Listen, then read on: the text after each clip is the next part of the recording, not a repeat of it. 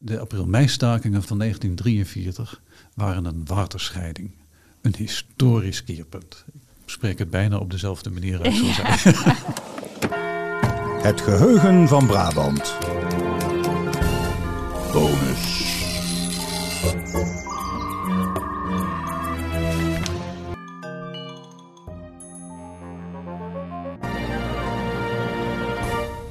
Je luistert naar een bonus bij onze aflevering over de april-mei-stakingen van 1943. Mocht je onze reguliere aflevering nog niet gehoord hebben, even ter herinnering. Tussen 29 april en pakweg 5 mei 1943 gaat er een golf van stakingen door Nederland. Honderdduizenden Nederlanders leggen het werk neer. De Duitse bezetter grijpt keihard in, ook in Brabant. Marilou praat nog even verder met Hans Morsinkhoff, historicus, betrokken bij de documentaire reeks Staken op leven en dood, onlangs uitgezonden door BNN-Vara en mede-auteur van het gelijknamige boek. Hans is kenner bij uitstek van deze woelige episode uit de oorlog. Hans Morsinkhoff, welkom. Ja, je bent al een bekende, want we spraken je eerder in onze reguliere podcast over de april-mei-staking. En ook in onze bonus eh, sluit je aan. Terwijl buiten wederom het gras wordt gemaaid. Dus we hoorden een, een lichte zoom op de achtergrond. Ik moest ook even denken aan de titel van jullie boek. Hè? Staken op leven en dood. Waren mensen zich daar op dat bewust, moment ook bewust van, denk je? Over die titel is heel lang nagedacht. En er zijn heel veel titels gepasseerd. Er zijn nog meer titels afgewezen natuurlijk. Omdat je eigenlijk in een paar woorden probeert te vangen Ja. waar een boek over gaat. En als je dan zegt staken op leven en dood, dan is dat eigenlijk een, een, een, interpretatie achteraf. Dat moet ik er in alle eerlijkheid bij zeggen.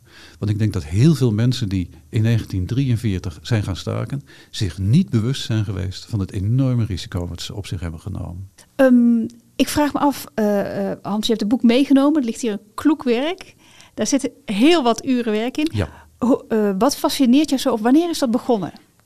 Ehm, ik heb daar eigenlijk altijd een heel lang verhaal over. Dus ik zal mijn best doen om het kort te vertellen.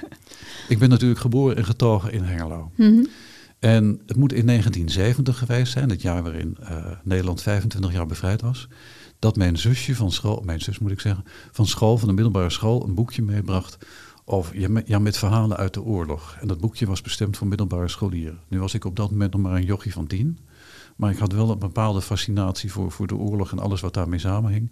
Dus ik heb dat boek gelezen en daar las ik over de april-mei-staking. En ik kan me nog heel goed herinneren hoe in eerste instantie mijn hart gloeide van trots. Want ja, dat was toch maar in Hengelo begonnen. Mijn geboorteplaats. Maar- ja, precies, mijn Ja. geboorteplaats. Maar tegelijkertijd las ik, twee of drie bladzijden verder, eigenlijk het verhaal dat die stakingen mislukt waren. Hmm.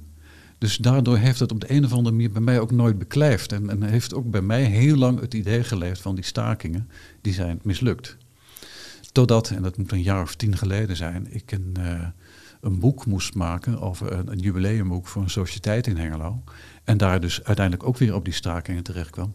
En toen ook begon te realiseren, maar wacht even, het verhaal is heel anders. En het verhaal is veel ingrijpender en het verhaal is veel groter dan ik ooit wist. Dat heeft ertoe geleid dat ik met een oud klasgenoot van mij, een goede vriend, eh, een Hengeloer, evenals ik ook al heel lang niet meer in Hengelo werkzaam, het idee heb opgevat van ja, maar in, 19, in 2018 is het 75 jaar geleden dat die stakingen begonnen. Dus we gaan in Hengelo een herdenking organiseren. Dat heeft nogal wat voeten in de aarde gehad. Want ons bleek al heel snel dat in Hengelo niemand wist van de april-mei-staking. Nee. En dat je dus heel sterk van die, van die reacties kreeg die we nog vaak krijgen van oh ja, april-mei-staking. Dat is in Amsterdam toch? Ja, ja. Nee, dat is een ander verhaal. En ehm, dus daar hebben inderdaad toch, toch inderdaad wat, wat, wat weerstanden moeten, moeten overwinnen. Er waren ook mensen die doodleuk zeiden van de april-mei-staking. Ach, daar heb ik nog nooit van gehoord. Dan zijn ze ook niet belangrijk geweest. Ja. Maar we hebben toch voet bij stuk gehouden. We hebben die herdenking georganiseerd. Die was goed bezocht. En dat was ook een mooie herdenking.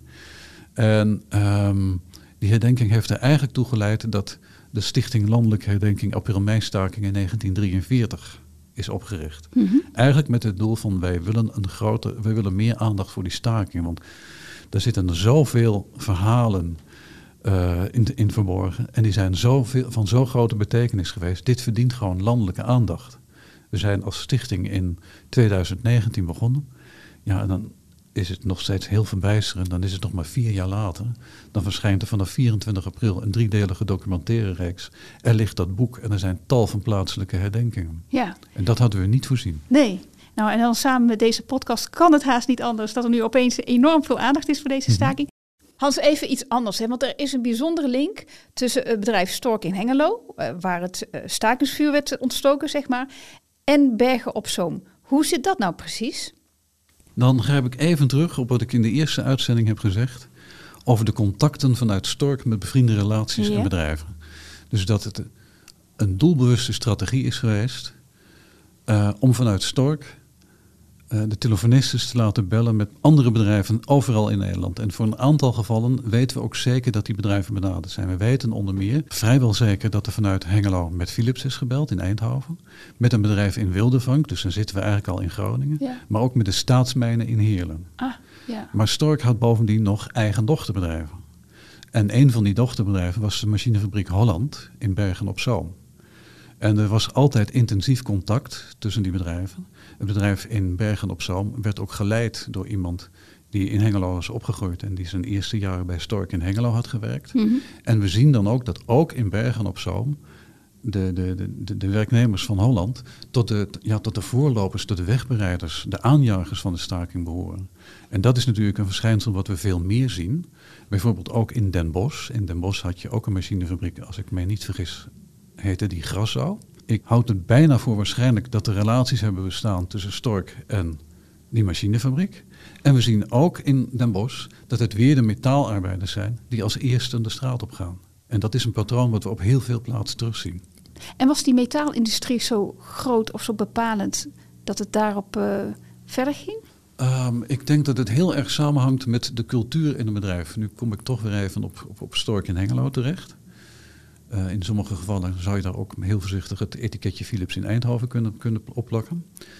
Stork zet van meet af aan in op enerzijds scholing van zijn medewerkers, maar ook op wat wij zouden kunnen noemen bewustwording of zelfs verheffing van zijn arbeiders. Wat Stork voor zich ziet, zijn werknemers die geschoold zijn, die ook een redelijke mate van algemene vorming hebben gekregen. En die bovendien ja, het benul hebben om in actie te komen als er iets, niet, iets aan de hand is. En dan Mhm. moet je je dat zo voorstellen dat je, althans zo stel ik het mezelf altijd voor, dat je misschien werkt aan een ketel die, die gebouwd wordt. En dan ligt er een werktekening voor je en je weet van dit moet ik doen en dat moet ik doen. En dan zie jij dat die tekening niet klopt. Dan moet het in de beleving van Stork zo zijn dat je op dat moment die tekening onder je arm neemt en naar de tekenaar loopt en dan zegt van wat maak jij mij nou? Ja, Dus er zat in, die, in dat bedrijf, in die werknemers van Stork, ook een geest van ik laat mij niet alles zeggen. een soort emancipatiebewustzijn. ja, precies, precies. En ook een heel sterk zelfbewustzijn. Hmm. En dat vind je heel vaak terug bij, bij heel veel andere metaalfabrieken in Nederland. Juist ook omdat het natuurlijk een vorm van gespecialiseerde arbeid was. Ja. Het was geen massaproductie. Daar, al die bedrijven die werkten gewoon ja, in opdracht. Die, die werkten haast niet in massaproductie. Aan de kennis van die, van die werknemers werden hoge eisen gesteld. En we zien ook bij Stork en trouwens ook bij andere bedrijven... dat de lonen ook vaak boven gemiddeld waren.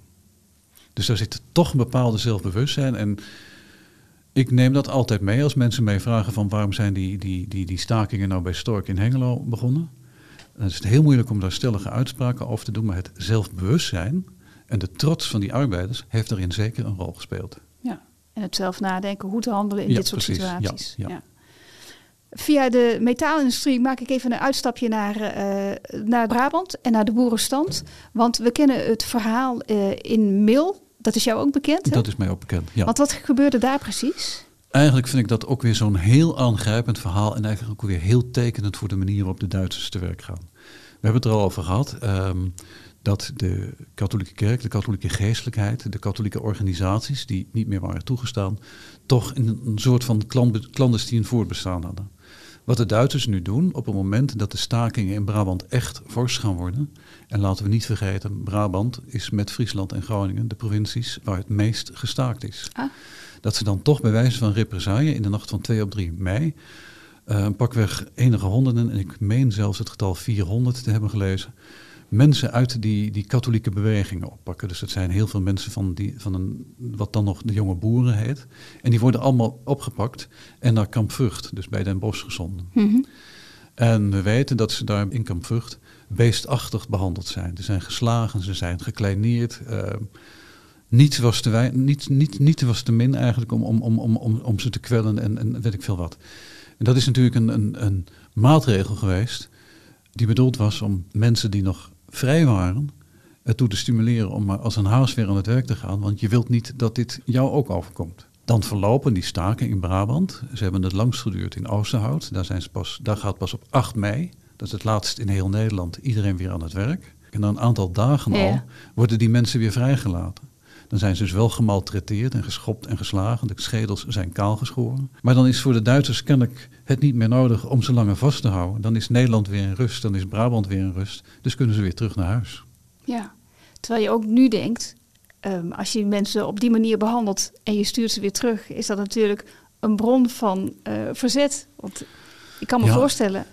Maar, maar, maar dat, dat, is, dat is überhaupt een van de paradoxen, denk ik, van de april-mei-stakingen. Als je kijkt naar die eerste verklaring die dan uitgegeven wordt op 29 april, dat die, die oud-Nederlandse militairen zich moeten melden voor krijgsgevangenschap, dan wordt vergeten daarbij te vermelden dat er ongelooflijk veel uitzonderingsbepalingen zijn.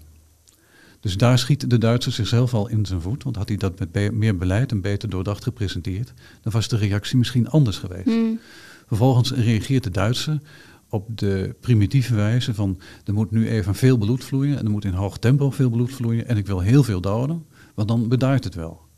En inderdaad, het is wel bedaard, maar daardoor heeft hij wel de geest van verzet aangewakkerd. Ja, want ondergronds dus, gaat het juist dan veel meer rommelen dan voorheen. Nou ja, ik heb wel eens gezegd, Rauter wilde natuurlijk ehm, olie op de golven gooien, maar heeft olie op het vuur gegooid. Mm. Wat Rauter is, voor alle duidelijkheid? Rauter was op dat moment de hoogste SS- en politiebaas in, uh, in Nederland. Ja, ja. Met, uh, met dit als gevolg dat het verzet juist een soort impuls kreeg. Ja, ja. Hm. En dan krijg je ook dat Rauter moet ook ergens, ik dat heb ik gelezen, dat heb ik niet gezien in documenten. Maar na de oorlog, als hij wordt ondervraagd, noemt hij de verzetsmensen, dat is heel wonderlijk, ook de beste Nederlanders die hij tegenkwam. Oh. Juist omdat ze strijdbaar waren, juist omdat ze eigen initiatief toonden, hm. juist omdat ze bereid waren om te vechten. Ja, ja. wat een bijzondere interpretatie. Hè? Ja, het is een heel, maar het was ook een hele bijzondere man. Ja. Wij weten van dat hij tijdens, dat heeft hij later ook wel gezegd in, in, in verhoren na de oorlog, als die april-mei-stakingen uitbreken, dan krijgt hij nog op 29 april bevel van Himmler. En die doet dat weer in opdracht van Hitler. Om die stakingen als de wiede weer gaat neer te slaan. Met alle middelen die daarvoor nodig zijn. Ze zijn dan op dat moment als de dood dat de stakingen zullen overslaan naar andere delen van bezet Europa. Hmm. En dus moeten die stakingen echt rukzichtloos, om dat woord dan maar te gebruiken, worden, worden neergeslagen. Ja. En uh, dan weten we ook van Rauter dat hij daar ook heel serieus werk van gemaakt heeft. Man is drie dagen en drie nachten zijn kantoor niet uit geweest. Hm. Die is die drie dagen en drie nachten alleen maar aan de telefoon geweest, of aan de telex, om inderdaad bevelen te geven. En bovendien, dat was iets wat alleen hem toekwam. Op een gegeven moment, als, een, als iemand ter dood veroordeeld was, was het aan Rauter om te bepalen of het vonnis ook bekrachtigd zou worden. Dus Rauter was op dat moment ook de heer over leven en dood. Ja. Dus het is een hele bijzondere man. Ja, ja. En waar we dan aanvankelijk denkt van, nou, hè, dat is binnen een paar dagen is die brand geblust. Zien wij het vlak na de oorlog nog als dat de stakingen geen effect hebben gehad, misschien wel mislukt zijn. Terwijl de tijd ons leert dat het effect juist onmiskenbaar is geweest. Ja, ja. ja. ja en ook aantoonbaar. Ik vind dat het mooiste komt dat misschien tot uitdrukking aan het einde van de jaren tachtig. Dan besluit de publieke omroep om een remake te maken van die televisieserie De Bezetting van Lou de Jong uit 1963. En dan kun je heel mooi terugzien dat Lou de Jong nog wel het script heeft geschreven voor die, voor die, voor die, voor remake. Dat heet dan ook geloof ik De Bezetting na 25 jaar dat het gaat heten. Alleen hij krijgt dan in de voorbereidingsfase krijgt hij een hersenbloeding. En dan is hij niet meer in staat om zelf de presentatie te verzorgen. Dan wordt er daarvoor een bekende oud-journalist en oud-presentator ingehuurd, Pietania. En die man die heeft een fantastisch mooie stem. Alleen al om, om hem te horen spreken is een feest. En dat gaat heel erg mooi. Hij doet het nog echt als een schoolmeester. Het is echt oude slow television. Hij staat ook als de leraar voor de klas. En af en toe worden de beelden onderbroken. Dan krijg je weer een filmpje te zien. En aan het einde van de les, ja, dan vlak voordat de bel gaat, Dan gaat hij met één bil, dat vind ik ook zo mooi gebruikt, met één bil op het bureau zitten. En dan gaat hij de klas nog even vertellen van wat we nu eigenlijk moeten onthouden. Dan krijg je een soort van samenvatting van de uitzending. En daarin zegt hij twee dingen. En let wel, het is het script van de Jong, want je kunt het taalgebruik van de Jong herkennen. De Jong was iemand die geneigd was om met heel veel bijzinnen te schrijven. Dus met waanzinnig veel zinnen, met waanzinnig veel komma's bedoel ik. En dat hoor je ook bijna terug in, in, in, in datgene wat Pietania dan vertelt. Maar dan maakt hij onder meer, dat vond ik een hele mooie, een, verschil tussen de april-mei-stakingen van 43 en de februari-staking van, van, van 41. En dan zegt hij, de februari-staking van 41 heeft een verzetsimpuls doen uitgaan naar wie daarvoor gevoelig was. Dus met andere woorden, als jij toch al een beetje het idee had van wij moeten in verzet komen, dan was dit een impuls, een moment waarop je ook in verzet kwam. Ja. Daarnaast zet hij de april-mei-stakingen en daarvan zegt hij, daarvan ging een verzetsimpuls uit op het hele land. Omdat onder meer, dat zie je ook wel in Brabant, ehm, de Duitsers tot dan toe altijd vooral in de stedelijke gebieden zaten. Op het platteland zag je haast geen Duitsers. En als je ze al zag, dan droegen ze meestal geen uniform. Nu verschijnen die Duitsers ineens ook op het platteland in grote getalen in uniform. En dat niet alleen, ze gaan ook nog vaak schietend rond. Dus dat gaf ineens de impuls van hier is meer aan de hand. Dus daarom is ook bijvoorbeeld wel gezegd van in, tijdens de april-mei-staking hebben de Duitsers hun masker afgelegd. Maar dan even terug naar meneer het einde van de les, met zijn bil op dat bureau. Dan spreekt hij een prachtige zin die helemaal uit de, uh, uit de pen van Lou de Jong komt. Van de, de, de april-mei-stakingen van 1943 waren een waterscheiding. Een historisch keerpunt. Ik spreek het bijna op dezelfde manier uit zoals hij. De april-mei-stakingen waren dat wel. Een waterscheiding, een historisch keerpunt. Gehoorzaam Nederland werd een weerbarstig Nederland. Het is helemaal duidelijk. Ja. Het lijkt me een prachtige afsluiting. Ik zou mensen die luisteren ook op willen roepen. Kijk naar de eh, documentaire die Ja, nu draait. ja. En lees ook vooral het boek Staken op leven en dood. En jij had de vorige keer nog een mooi oproepje. En ik zou hem gewoon weer herhalen als ik jou was. Nou, dat is dan gewoon de oproep aan iedereen die dit hoort. Mocht je nou of mocht u nou iets weten over de april-mei-staken, mocht u verhalen kennen, misschien ligt er op zolder nog een schrift van opa of oma of van de oudoom.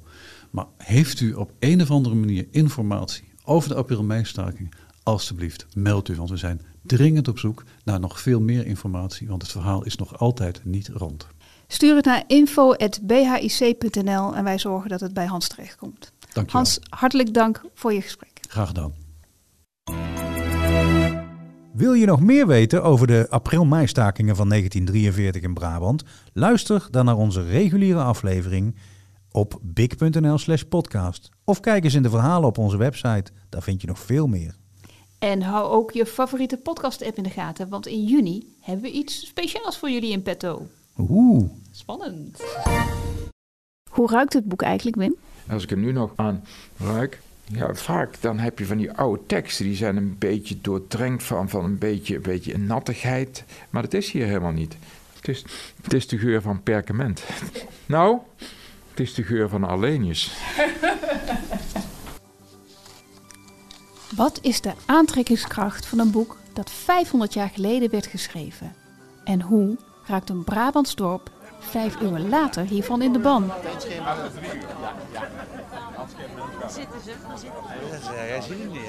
In deze podcast volgen we een passie.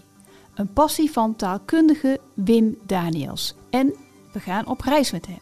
Met in ons kielzog een bus vol dorpsgenoten. Samen op weg van Aarle Rikstel naar Florence.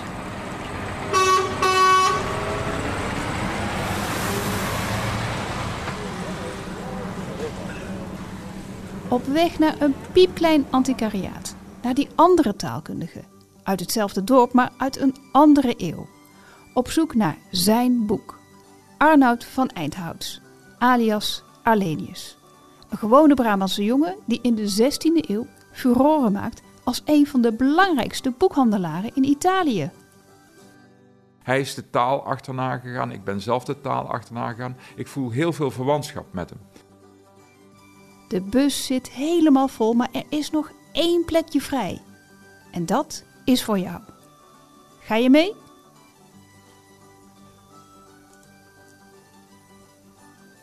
Luister vanaf maandag 5 juni naar twee speciale afleveringen van Het Geheugen van Brabant. De podcast van het Brabants Historisch Informatiecentrum. Abonneer je via je favoriete podcast-app. En mis ze niet. Ja, iedereen in de bus? Allora andiamo ragazzi! Andiamo! Andries, schiet eens op. No, no, no, no, no!